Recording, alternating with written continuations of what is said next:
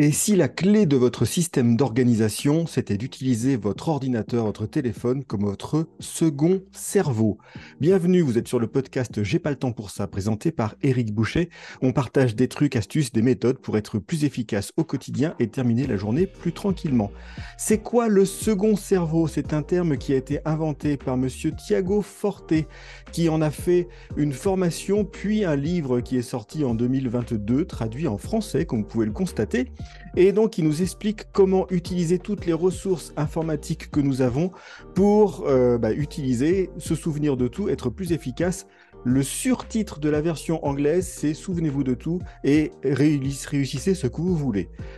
On va pas résumer tout le livre en trois minutes aujourd'hui, j'ai juste faire un point focus sur une étape, un élément qui est la méthode code dont Thiago Forte se sert pour organiser les éléments que vous allez mettre dans ce second cerveau.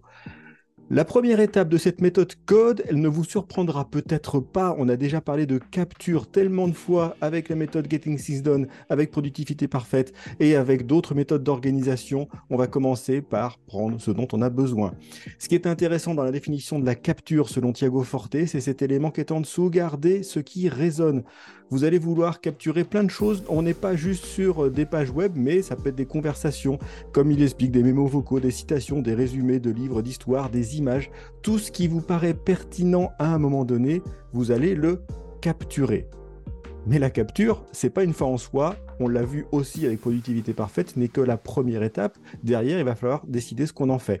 D'où cette deuxième étape d'organisation qui est très active aussi. C'est l'équivalent du stockage chez Francis Wade. Garder ce qui a du sens et choisir où est-ce que je le mets. Pour cela, Thiago Forte nous propose l'acronyme et la structure PARA les projets, les domaines, areas, les ressources et les archives.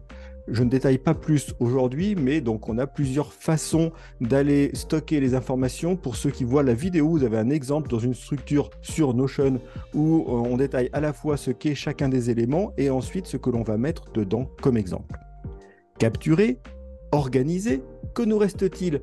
Distiller le D trouver l'essence, c'est tout sauf passif, comme je le disais, et donc on va travailler le contenu, travailler les notes que vous avez prises, trouver les extraits clés, rendre la note trouvable et mettre les éléments importants en avant. Ce sont bien trois étapes euh, que vous allez travailler avec votre contenu. C'est pas juste je trouve, je stocke, c'est je trouve, je stocke, je regarde, je, je distille, je trouve les éléments importants.